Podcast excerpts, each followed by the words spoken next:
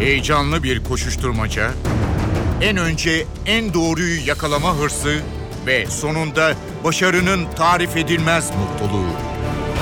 Manşetlerin perde arkası, habercilerin bilinmeyen öyküleri muhabirden de. Muhabirden şimdi başlıyor.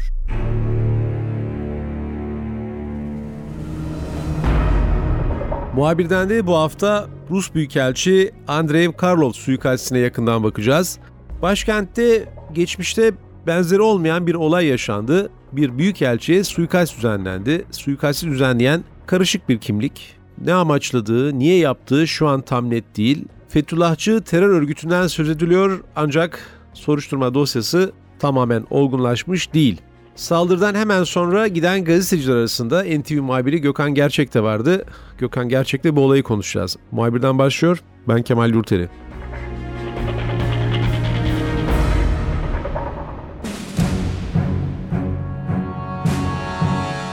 Gökhan ekranlarda birden bir son dakika haberi Rus Büyükelçi'ye saldırı düzenlendi.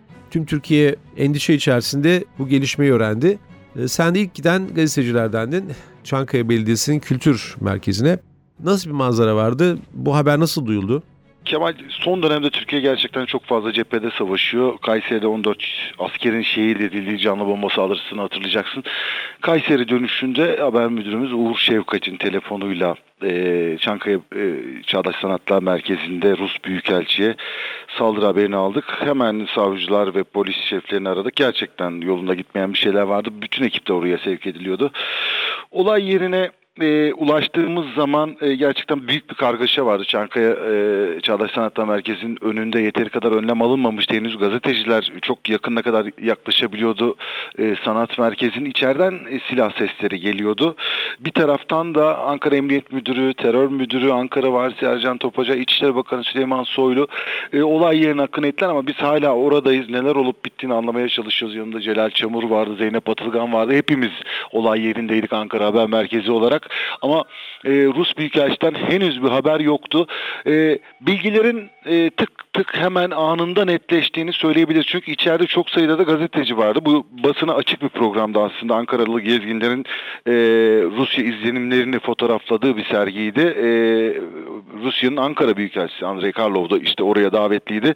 E, Halep operasyonu sürdüğü bir süreçte e, Rusya'nın oradaki rolü göz önünde bulundurulduğu zaman Rus Büyükelçi oldukça önemli bir figür Ankaralı gazeteciler açısından. Bu nedenle çok sayıda ziyaretçi ve gazeteci de oradaydı. E, net bilgileri hemen bizimle paylaşmaya başladılar. Evet Andrei Karlov içerideydi. Bir saldırgan vardı. Vurulmuştu. Saldırgan ve Karlov e, hala içerideyken çatışmalar devam ediyordu. Bizim orada anlatabildiğimiz Karlov'un durumunun ne olduğu şu an için net olarak bilinmediği, saldırganın silahıyla birlikte içeride olduğu, e, polisin e, saldırgana müdahale etme hazırlığında olduğu şeklinde bilgileri toparlayarak anlatırken birden e, özel harekat polislerini, o özel kamuflajlarıyla özel harekat e, merkez operasyon timini gördük. O, onlar özellikle rehini arama kurtarma konusunda uzmanlar ki bir bilgi daha vardı. E, Carlo vuran saldırgan içerideki e, sergiyi gezmeye gelenleri de rehin almıştı şeklinde. E, büyük bir e, operasyon hazırlığı başladı. Bizler dışarıya çıkarıldık. 10-15 dakika kadar çok yoğun atış sesleri duyuldu ve bir sessizlik ardından bir ambulansın çıktığını gördük. O ambulansta Andrei Karlov vardı. Sonradan onun o ambulanstayken yaşamını yitirdiğini öğrenecektik Kemal. Gökhan senin de belirttiğin gibi saldırı sırasında içeride insanlar da vardı. Bu artık terörist diyeceğiz veya intihar eylemcisi bir şekilde görüntülendi. Dışarıdaki insanların anlatımlarını da duymaya başladık. Bu şahit olanlar bu olaya nasıl bir psikoloji içindeydi? Gerçekten büyük bir şok yaşadıklarını söyleyelim. Ee, seçkin bir topluluk vardı sergiyi gezmeye gelen. Ee, tüm ayrıntılarıyla her şeye tanık olmuştu onlar. Ee, şık giyimli, oldukça şık giyimli bir kendini polis süsü veren, sonradan polis olduğunu öğreneceğiz gerçekten. E, Mert Altıntaş'ın polis süsü veren, temiz yüzlü e, bir koruma Andrei Karlov konuşması yaparken arkasındaydı. Herkesin ortak ifadesi bu şekildeydi. Henüz e, olayla ilgili tüm bilgiler netleşmeden e, önce bu e, görgü şahitliğinde bulundular bize. İşte Andrei Karlov'un arkasındaydı. E, sağ elini beline uzattı, silahını çekti ve büyük bir soğukkanlılıkla peş peşe e, ateş etmeye başladı dediler. E, onlar da kendi canlarına düştüler. Tabi orada gazeteci arkadaşlarımız vardı bizim de. Kendilerini yerlerine yerlere attılar e, kurtulmaya çalıştılar. Çünkü e, atış istikametinde e, sergi gezmeye gelenler ve bizim gazeteci arkadaşlarımız var. 11 kurşun sıkıyor Mert Altıntaş saldırgan suikastçı. E, 9'u Karlov'u isabet ediyor ama 3 tanesi de o çevrede bulunan vatandaşlara geliyor. 3'ü yaralanıyor. Hatta bir tanesi e, operasyonla 2 e, gün hastanede kaldıktan sonra taburcu edildi. İkisinin durumu hafif ama e, çok büyük bir panik yaşandığını söyleyebiliriz. E, sıradan bir sergi Rusya Büyükelçisi geliyor. E, sadece kısa bir açıklama alıp hepsi dışarı çıkacakken bir, birdenbire ortalık kabus gibi, savaş alanı gibi e, bir ortama dönüyor. Bu nedenle büyük bir şok olduğunu söyleyebiliriz olayın ilk yaşandığı andan itibaren. Bu olayda dikkat çeken bir yönde Gökhan, neredeyse saldırının baştan sona görüntülenmesi.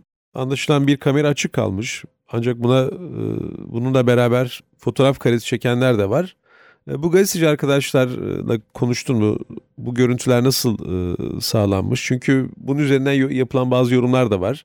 E, hani nasıl oluyor da böyle bir çatışma ortamında bu görüntü bu kadar net oluyor diye. Benim en çok ekranlara yansıyan görüntüden gördüğümde bir kamera açık kalmış gibi. Ama foto muhabirleri de çalışmaya devam etmişler. Onlar neler anlattılar? Orada bulunan arkadaşların birçoğu profesyonel zaten. O de, organizasyon yapan şirketin kamerası o açık kalan kamera. Ee, çok normal açık çünkü e, en önemli açıklama geliyor. Evet açılış yapıyor, sergi, serginin açılışı yapıyor ve ondan sonra Andrei Karlov Türkiye-Rusya ilişkilerini anlatan bir konuşma yapacak. O konuşma zaten ana unsuru e, ana e, unsuru or, oradaki serginin. E, bu nedenle kayıtta. E, ama ateş etmesi, saldırgan ateş etmesinin ardından e, o görüntü çeken kameraman da kendini korumak için hedef küçültü ya da sütre gerisine oradaki sütunların arkasına kaçıyor ama e, şans kamerası da açık kalıyor.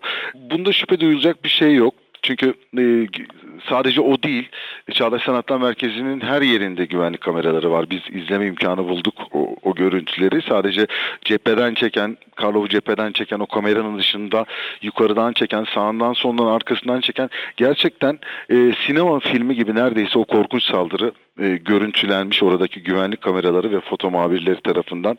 E, tabii Haşim Kılıç onlardan bir tanesi Hürriyet Gazetesi muhabiri. Onun çektiği görüntüyle ilk kez o korkunç olayı e, gördük. O da yıllardır bu mesleği yapan gazeteci arkadaşlarımızdan bir tanesi. Yerde yatarken yere paralel bir şekilde yukarıya doğru bir görüntüsü var. E, saldırgan ve Karlov'u aynı kare içerisine alan. E, bu da mesleğin cilveleri çok karşılaşılabilecek bir durum değil ama yani gerçekten soğukkanlılığını korumuş arkadaşlarımız ve tarihe not düşmüşler o görüntüleri. Gökhan Saldırgan'ın kimliği çok ilginç. Çevik Kuvvet'te görevli bir polis memuru. Daha önce muhtemelen devlet büyüklerinin yer aldığı mitinglerde belki görev aldı. Belki güzergahlarda veya benzer etkinliklerde. Dolayısıyla çok ilginç. Yani bir polisin böyle bir eyleme kalkışması hakikaten çok büyük bir endişe yarattı. Bu nasıl bir portre? Birkaç gün geçti olayın ardından. Nasıl bir izlenim bırakıyor sende? Valla devlet büyüklerinin korunması konusunda çok şeyi değiştirecek bir sürecin yaşanacağını söyleyebiliriz arkadaşlar. Çünkü senin de belirttiğin gibi polis tarafından korunuyor devlet büyükleri. E, polise güvenmeyecekler de kime güvenecekler ama aralarına böyle çıkabiliyor. Çok iyi ay- ay- ayıklama yapmak gerekiyor belki bundan sonraki süreçte. O bir polis, genç bir polis, iki buçuk yıllık bir polis e, Mert Altıntaş. Dediğim gibi hiç belli etmiyor kendisini. E, savcılık kaynakları araştırıyor. Fethullah Terör Örgütü bağlantı üzerinde üzerinden daha çok bu soruşturmaya bakıyorlar. E, 2012 tarihinden önce herhangi bir FETÖ geçmişi yok. 2012 tarihinde e, polis okuluna girerken e, Fethullahçılara yanaşıyor. Fethullahçı terör örgütü üyelerine yanaşıyor ki bunu da doğal karşılar. Evet olabilir. Çıkarları için böyle hareket etmiş olabilir ama ondan sonra 2014-2015 yıllarında yapılan araştırmada oldukça yoğun bir şekilde FETÖ teması var. Özellikle İzmir'deki imamlarla temasları tespit ediliyor. E, belirleyici bir veri Baylok. Baylok araştırıldı. MİT tarafından gelen belgelerde Baylok Baylok kullanmadı tespit edildi ama Baylok kullanan 8 Fethullah terör örgütü üyesiyle polisle yakın olduğu görülüyor. Kendisini çok iyi saklamayı başarmış. E, hala Ankara Emniyet Müdürlüğü, Çevik Kuvvet Şube Müdürlüğü'nde görevli. Daha da ilginç bir bilgi var. E, Rus Büyükelçi'ye saldıran o saldırgan bu yılın yani saldırıdan birkaç gün önce 13 Aralık tarihinde de Rus Büyükelçiliğinin önündeki Halep protestolarında koruma görevini sağlamış. Toplumsal olaylarda biliyorsunuz Çevik Kuvvet hep öndedir. E, büyükelçiliklerle göstericiler arasında girerler hep. E, o gösteri sırasında da o büyükelçilikte e, Rusları korumak için Ankara Emniyet Müdürlüğü adına görev yapmış Mert Altıntaş. Çok iyi gizlenmiş, bulunamamış bugüne o, o saldırı anına kadar. E, şu andan sonra da soruşturmada kimlerle bağlantılı olabileceği araştırıyor Kemal.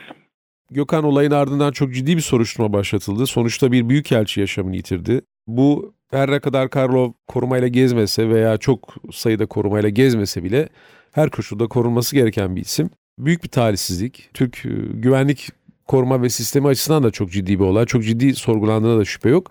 E, saldırgan e, bağlantıları konusunda hangi bilgiler ortaya çıkmaya başladı? Bu tabii çok yönlü bir soruşturma gibi gözüküyor ama Kemal bu koruma meselesini aslında biraz açmak gerekiyor. Andrei Karlov Ankara'da görev yapan belki de en önemli diplomatlardan bir tanesi şu süreçte. Amerika Birleşik Devletleri'nin Ankara Büyükelçisi ardından Rusya ve İran Büyükelçileri geliyor. Ee, yaşadığımız ortam açısından evet Suriye'de yaşananlar biliniyor, Alep'te yaşananlar biliyor. Andrei Karlov son derece mütevazi bir kişiliğe sahip. Ee, sadece şoförüyle bir yerden bir yere seyahat ediyor ama bu onun e, korunmayacağı anlamına gelmiyor. Evet Türkiye'de görev yapan yabancı misyon şeflerine kendi ülkelerinden korumaların yanı sıra o ülkelerin korumaları da eşlik ediyor. Türkiye'den devlet büyüklerini koruma şubesinden oldukça yetenekli polisler eşlik ediyor. Karlov bunu istemiyor ama bu onun korunmayacağı anlamına gelmiyor. Dünyanın her yerinde böyle mütevazi kişilikler yani e, rahat gezmek isteyen, çevresinde koruma görme, görmek istemeyen önemli insanlara gölge koruma duvarı oluşturulur. Korunduğunu bilmez bile bu devlet görevlisi. Bu nedenle koruma sağlanmalıydı.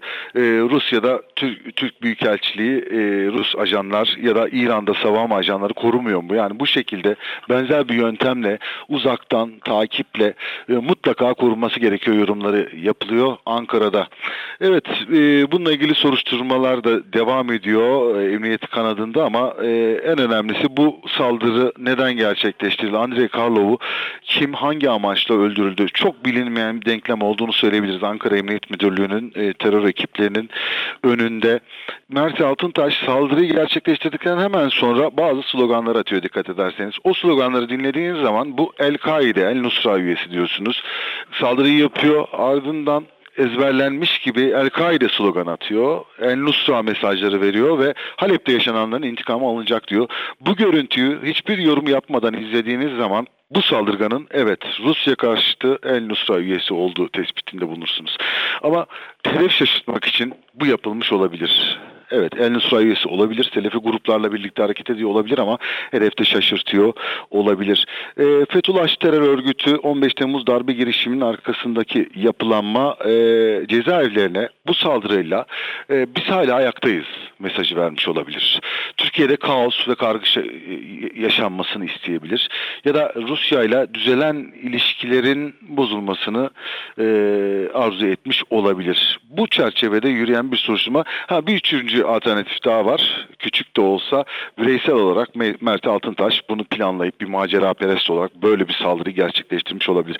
Ama daha çok Fethullah terör örgütü e, şüphesi üzerinden derinleşerek e, büyüyen bir soruşturmayla karşı karşıyayız. O çerçevede yapılıyor e, soruşturma. Onun üzerinde duruluyor. Ailesi gözaltına alınmıştı. Serbest bırakıldı. E, ama İzmir'deki imamı polis okuluna girmesine de aracılık eden dayısıyla bağlantılı imamlar araştırılıyor. Görüştüğü 15 kişi Fethullah terör örgütü üyesi çıktı. Bunların 8'inde Baylok tespit edildi. E, Mert Altıntaş'ın. Ankara Çevik Kuvvet Şube Müdürlüğü'nde görevli ama 15 Temmuz darbe girişimin sırasında geçici görevle Diyarbakır'a gidiyor. Diyarbakır'da 15 Temmuz'dan sonra izinler kaldırılmasına rağmen 16-17 Temmuz tarihlerinde izinli yazılıyor. O izinleri yazan e, polis şefi de Fethullah terör örgütünden tutuklu durumda. Yine Ankara'da o dönemde görevde bulunduğu zaman e, görev yapan Çevik Kuvvet Şube Müdürü de e, cezaevinde tutuklu. E, kilit cep telefonunda Mersi Altıntaş artık yok. Evet. E, Mersi Altıntaş bu soruşturmanın belki de en önemli delili oydu ama öldürüldü. E, bununla ilgili de çok sayıda spekülasyon yapıldı. Neden vuruldu? Canlı yakalanamaz mıydı? Tek başına kalmıştı gibi. E, öldürüldü. O yok ama bir cep telefonu var. Cep telefonundan baylok çıkmadı bir handikap var şifresi çözülemedi. E, sosyal medya hesapları üzerinde Twitter, Instagram, Facebook kullandığı sosyal medya hesaplarının şifreleri de kırılmaya çalışılıyor. Siber ve bilişim suçları bu konu üzerinde çalışıyor ama en önemlisi o cep telefonunun şifresinin kırılması. Hatırlayacaksın Amerika Birleşik Devletleri'nde bir seri katille ilgili soruşturma sırasında o şifreler verilmemişti. Bu kez ne olacak merak ediliyor. Bütün dünyayı ayağa kaldıran bir suikast çünkü. E, şu an Türk yazılımcılar, mühendisler, siber suç suçlarda görevli olan teknikerler telefonu çözmeye çalışıyorlar. Çözemezlerse Rusya'ya gidecek yazılım anlamında biraz daha güçlü olduğu ifade ediliyor Rusların ama e, çözüp çözmeyecekleri merak konusu. Çünkü e, FBI e, o telefonların şifresini e, kıramamıştı. Bu kez Türk mühendisler ve Ruslar kırabilecek merak konusu. Kıramamaları durumunda en son yöntem yazışma yapılarak o telefonun şifrelerinin kırılması, açılış şifresinin kırılması istenecek. E, parmak izi okuyucu yok. Sadece açılışta bazı kodlar yazılmış. O şifrenin bulunması, çözülmesi oldukça büyük önem arz ediyor soruşturma açısından. E, telefon görüşmelerinin ETS kayıtları var. Saldırıdan önce kimlerle görüştü en son hangi güzergahları izledi bir otelde kaldığını biliyoruz. Saldırganın saldırıyı gerçekleştirdiği yere oldukça yakın bir otelde kaldı. Ankara'da evi olmasına rağmen oteli tercih etti. Orada hazırlandı saldırıya. 4-5 gün önce bu saldırıya hazırlandığı anlaşılıyor. Çünkü o zaman e, oteli arayarak 2 günlük rezervasyon yapmak istemiş. İşte o 4-5 günlük zaman zarfında onun öncesinde e, yaptığı telefon görüşmelerinin analizi oldukça önemli. O analiz sonuçları çıktıktan sonra e, Türkiye genelinde de e, bu Carlos suikasti ile ilgili eş zamanlı operasyonların gelebileceğini söyleyebiliriz. Gökhan verdiğin bilgiler için teşekkürler. Kolay gelsin.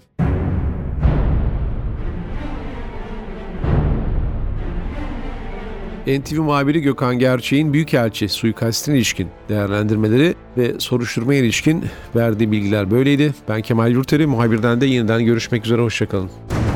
Haber için değil de haberin hikayesi için şimdi onlara kulak verme zamanı. Muhabirden NTV Radyo'da.